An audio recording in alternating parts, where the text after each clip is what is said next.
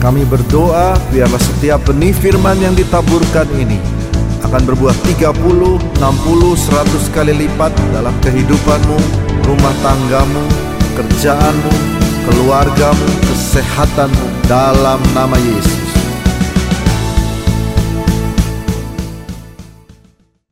Siang ini kita mulai dengan sebuah drama sambungan dari firman minggu lalu.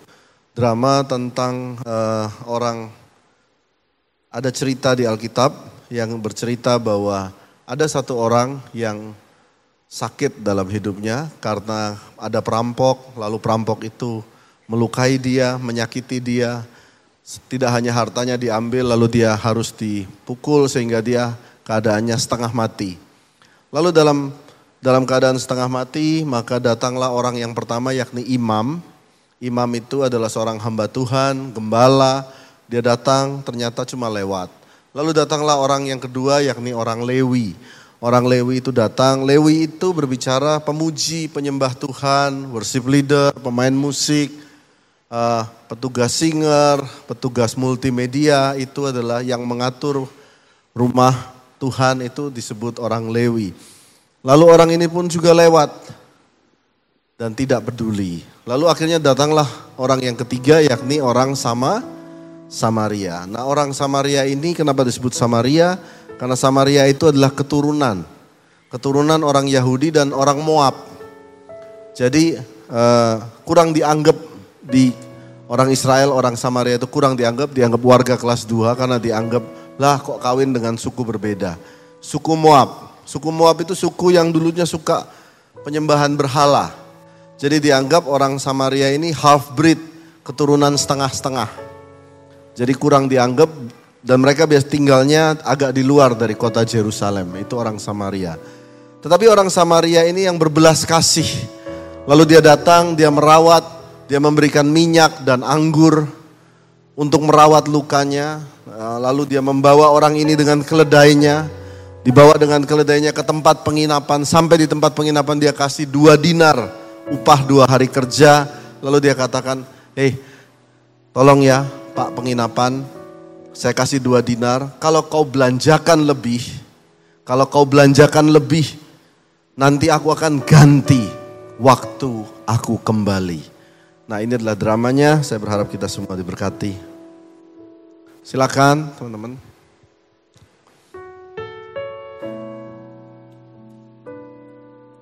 Ya. Ya, dia Kok tambah kayak film zombie ya yang ibadah tiga. Oke, bukan zombie tapi dia terpukul dalam kehidupan uh, keadaan dunia. Lalu datanglah imam. Luar biasa bawa Alkitab, Alkitabnya dipajang di depan. Ya.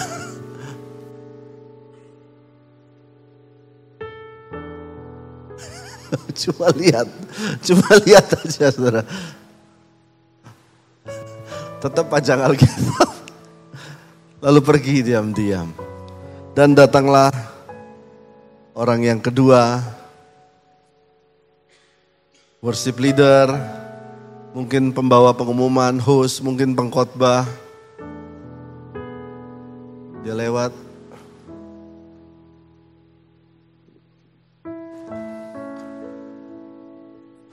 Dia lewat lagi. Ternyata cuma lewat. Dan datanglah ketiga yakni orang sama Samaria. Inilah orang Samaria. Dia membawa seekor barongsai. Salah ya, bukan barongsai tapi keledai. Ini keledai siluman, saudara. Mereka dalam perjalanan ke barat mencari kitab suci. Jadi kayak itu ya. Sun Gokong malah ya. ya. Loh, aduh. Maaf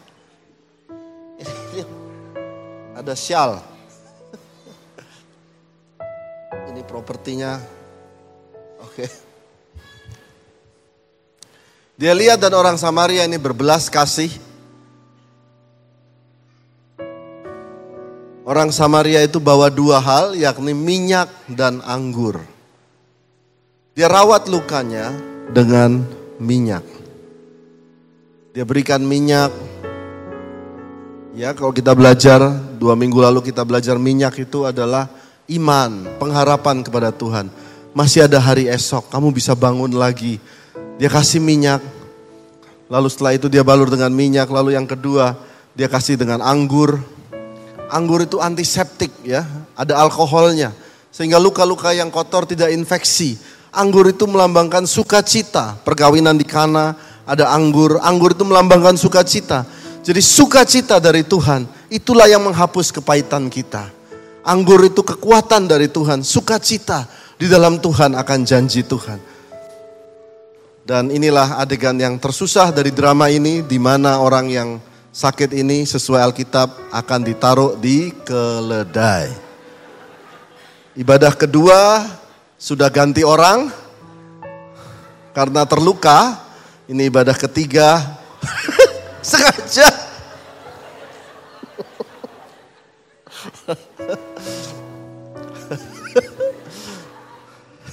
Harusnya gantian ibadah dua, yang di depan gantian. Kalau enggak kena yang belakang terus yang capek.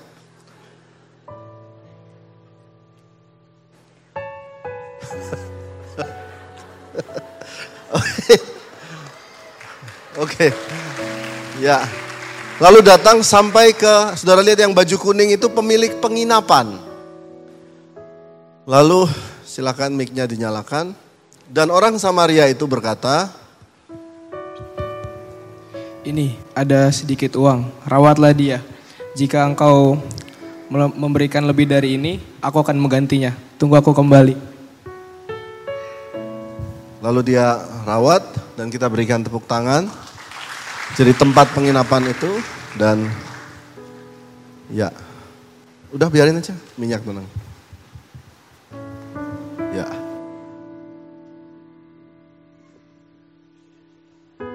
Oke. Cari perhatian terus. Dia dulu mau daftar barongsai nggak keterima gitu. Oke. Kita kasih tepuk tangan.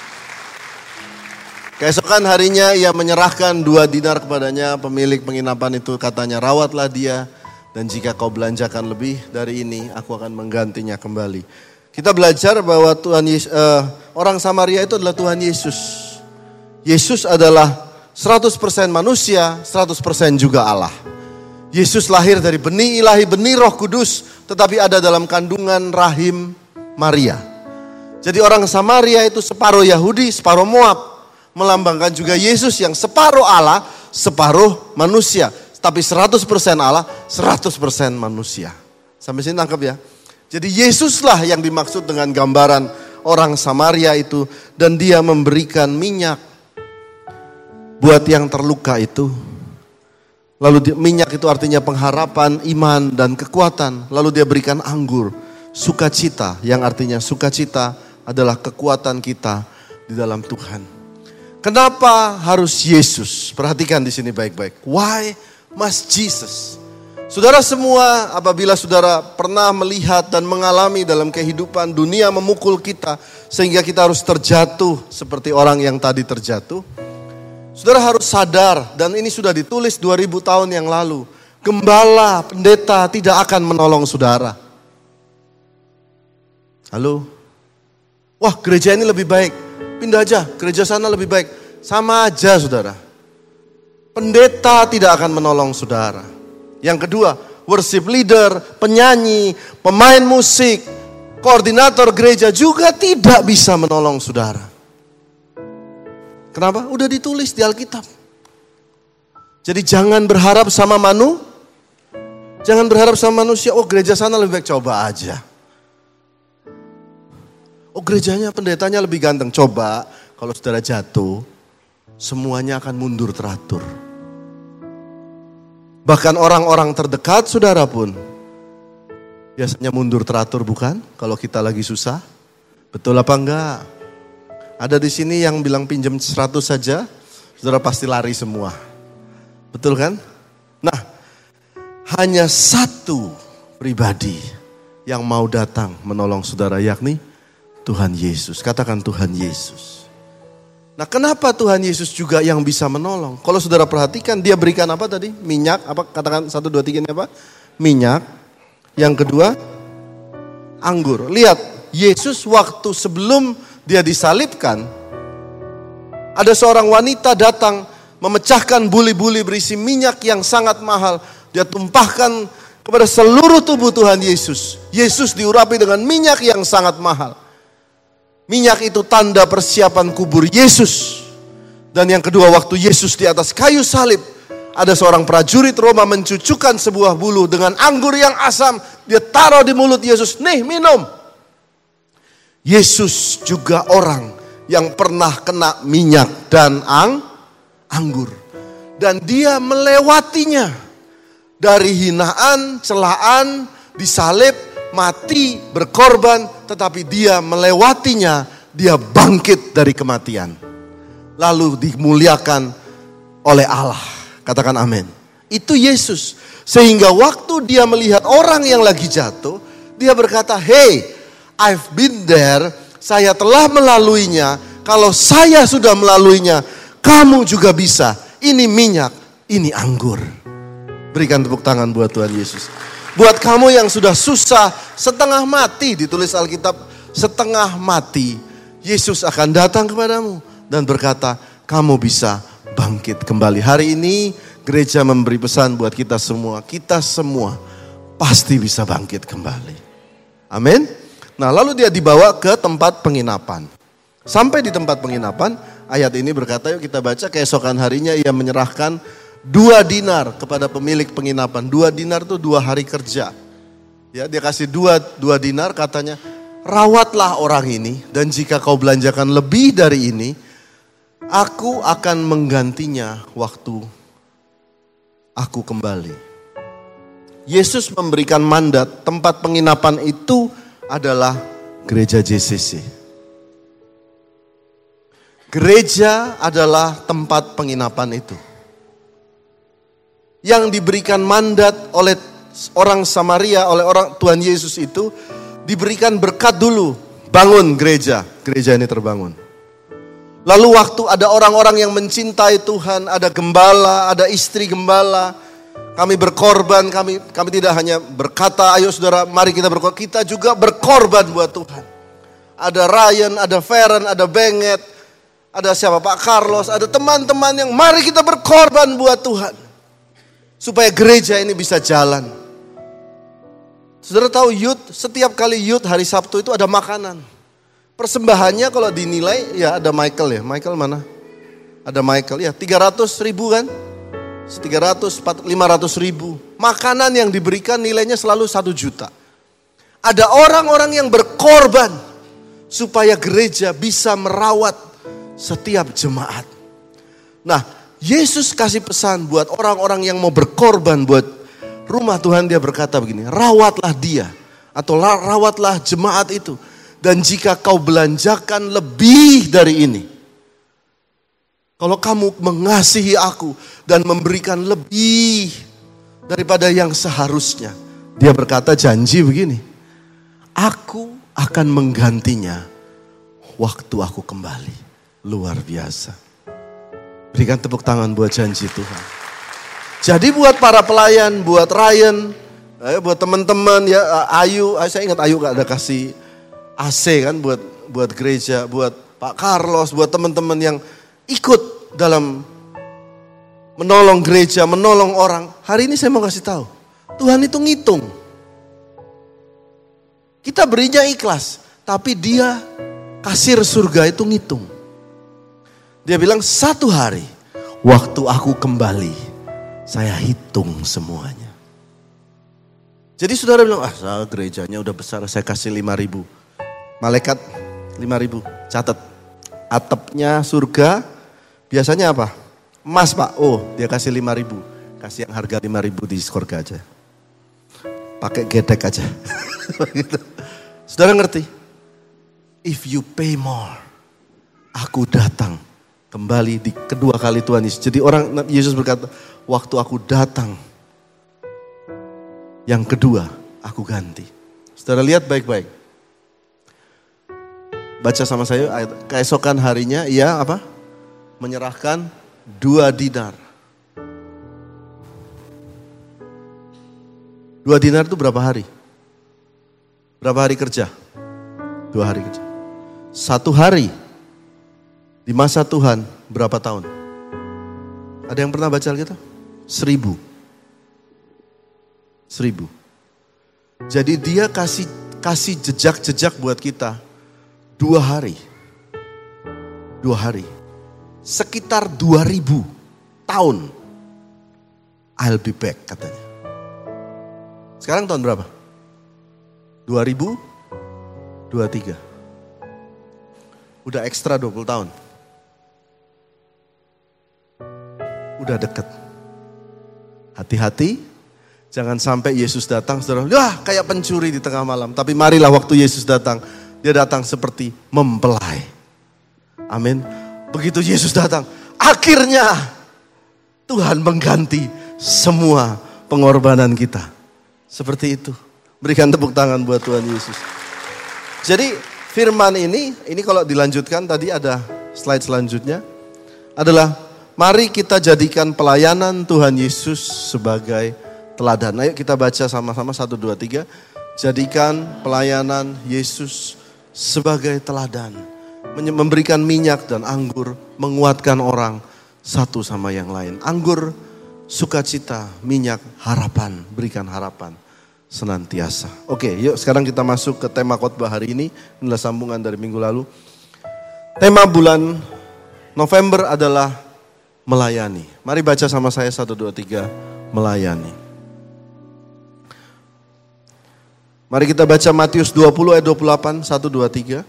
Sama seperti anak manusia datang bukan untuk dilayani, melainkan untuk melayani dan untuk memberikan nyawanya menjadi tebusan bagi banyak orang. Ayat ini berkata bahwa Yesus datang ke dunia untuk melayani, bukan untuk dilayani.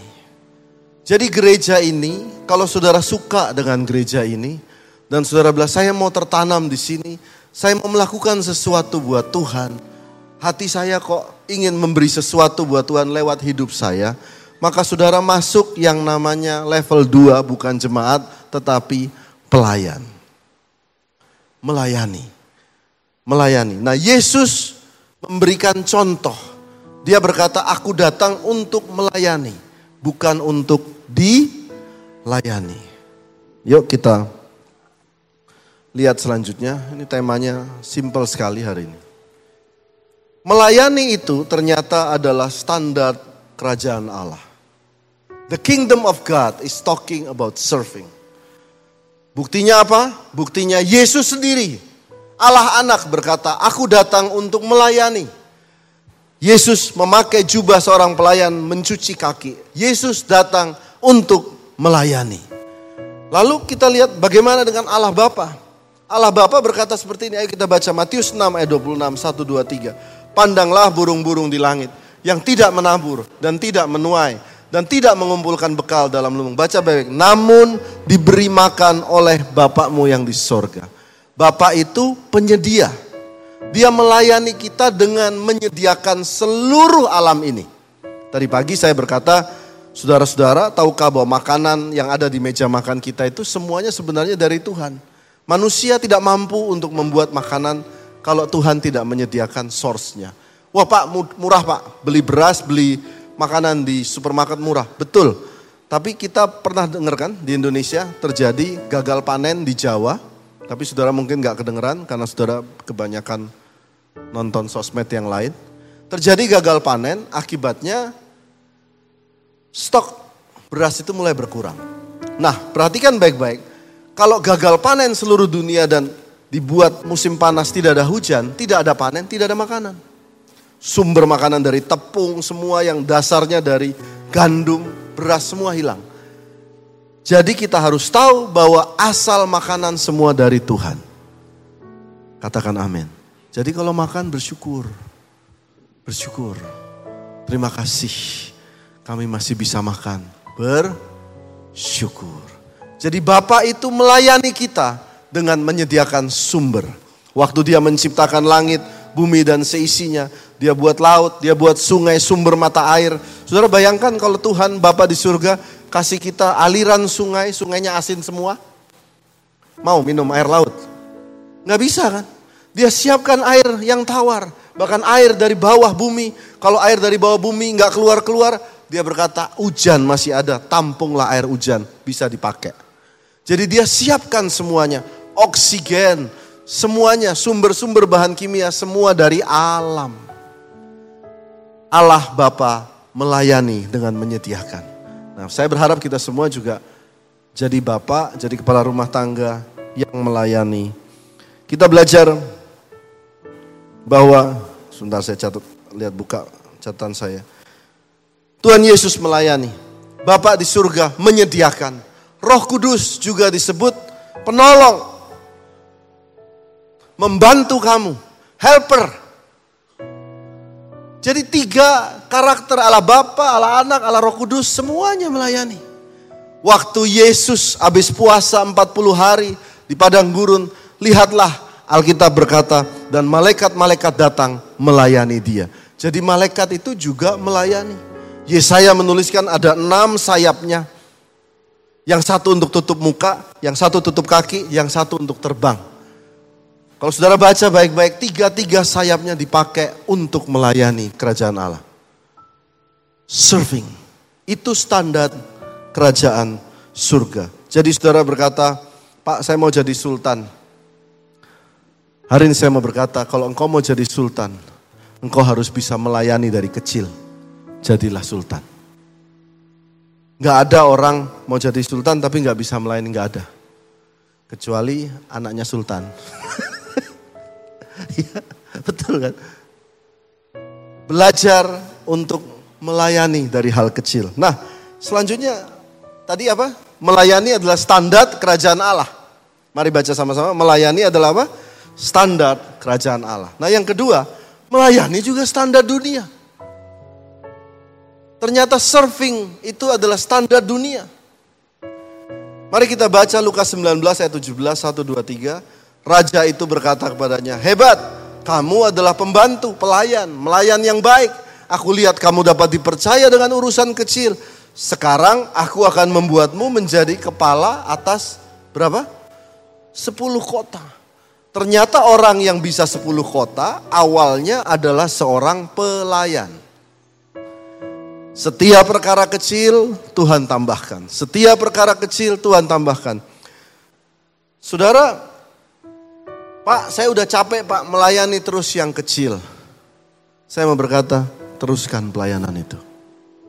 Karena pada waktunya promosi berkat Tuhan, Tuhan itu tidak buta tidak buta. Satu hari Daud dipercaya untuk dia habis diurapi menjadi raja, dia memba, disuruh bawain makanan keju dan beberapa bekal makanan untuk kakak-kakaknya. Padahal dia sudah diurapi jadi raja. Dia datang mempersiapkan makanan buat kakak-kakaknya di medan perang. Suatu hal pelayanan yang kecil. Tapi pada waktu dia datang di situ dia melihat ada Goliat menantang. Dia bilang, "Ya udah, saya ikut deh. Saya perang lawan Goliat itu." Setelah dia antar makanan itu, yang kedua dia mulai dipanggil Saul, Raja Saul. Dia duduk dengan raja. Setelah itu dia perang lawan Goliat. Malam itu sang pembawa makanan tadi jadi bangsawan.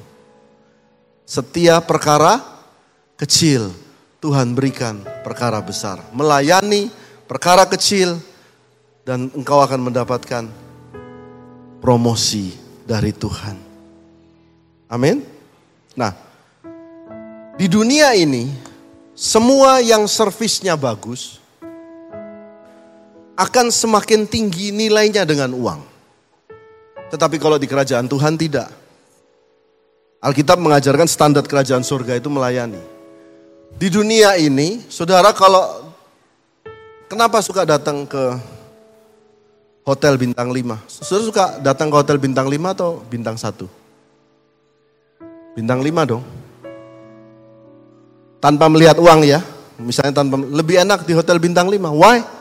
Karena di sana dilayani, masuk selamat pagi, selamat siang, senyum semua. Meskipun senyum palsu. Betul kan? Karena mereka melayani. They serving you. Semakin bagus pelayanannya, rating hotelnya semakin tinggi. Nah bagaimana dengan kita? Kita di rumah udah melayani belum? Pulang bete, pergi bete.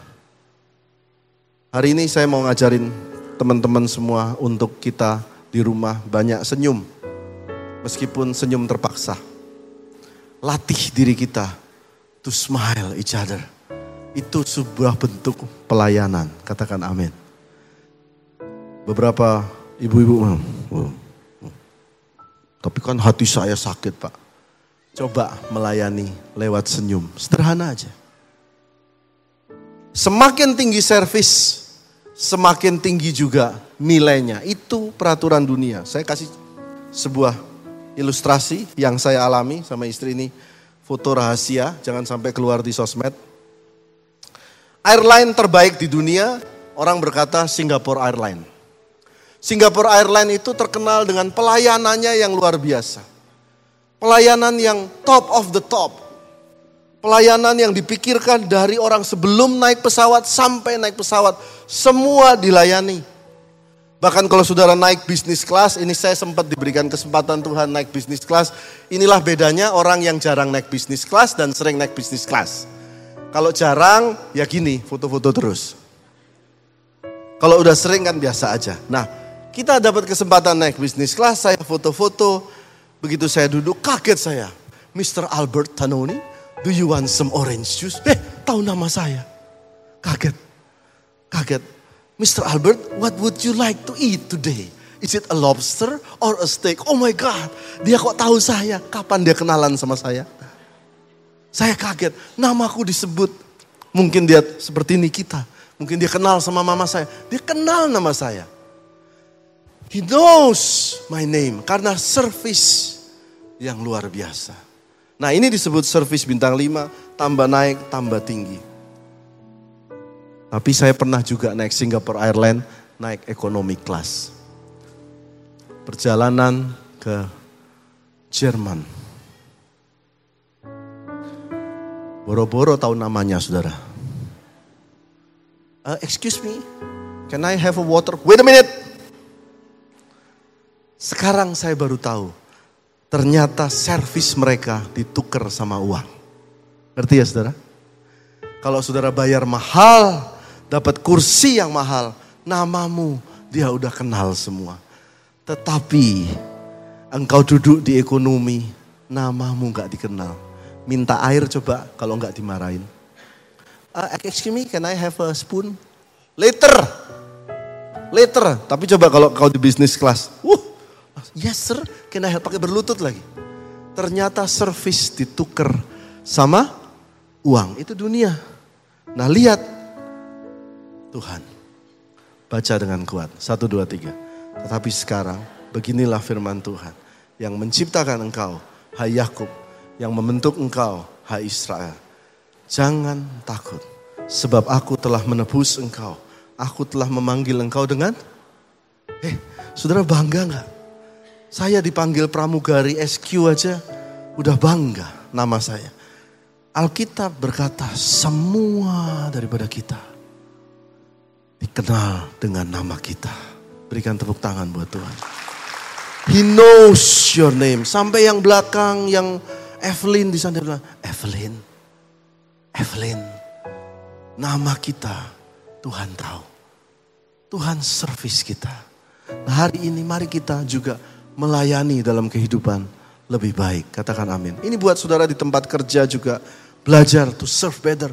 Tempat kerja, di rumah, di kantor, di keluarga, serve better. Dan juga di gereja. Pak, pakai saya pak. Saya siap melayani Tuhan. Bagian terakhir, maukah kita semua melayani? Dalam segala bidang. Maukah kita jadi orang Kristen yang melayani? Kita lihat ayatnya. Yesus berkata kepada Simon Petrus, Simon, ayo kita baca sama-sama. Simon, anak Yohanes, apakah engkau mengasihi aku lebih daripada mereka ini? Sudah tahu Simon, dia panggil namanya Simon. Jelas lagi, anak Yohanes. Yesus panggil nama kita semua. Gosali. Saya nggak tahu nama papanya Pak Gosali. Ya, dia panggil Frederick. Ya, Stefani. Dia berkata, do you love me? Amin. Dia berkata, do you love me? Dan selanjutnya dia benar Tuhan, aku mengasihi engkau. Dan dia berkata, layanilah domba-dombaku. Dia tanya kedua lagi, do you really love me? Simon, anak Yohanes. Terus Simon is nobody. Bukan siapa-siapa, bukan orang kaya.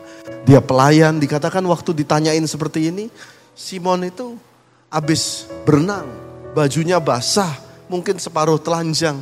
Tidak ada orang yang kenal Simon, tapi dia panggil Simon, anak Yohanes. Apakah engkau mengasihi aku?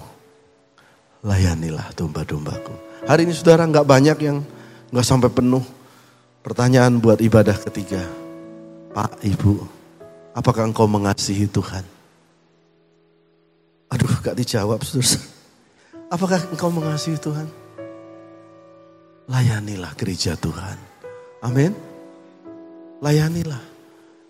Ibu Mama Wika, layani gereja Tuhan. Dan Tuhan tiga kali dia tanya, Simon anak Yohanes, do you love me? Lalu dia berkata, Tuhan engkau tahu segala sesuatu. Bahwa aku mengasihi engkau. Dan Yesus berkata, layanilah domba-dombaku. Ini bukan cuma tentang gereja. Dia memberi kita semangat, kekuatan semua. Layanilah keluargamu. Layanilah suamimu. Layanilah istrimu. Layanilah anak-anakmu. Layanilah customermu. Layanilah bosmu lebih baik lagi. Layanilah kehidupan. Saudara tahu saudara mau merendah, Tuhan nanti yang angkat. Amin. Siapa mau jadi besar? Alkitab berkata dia harus jadi yang kecil. Berikan tepuk tangan buat Tuhan Yesus.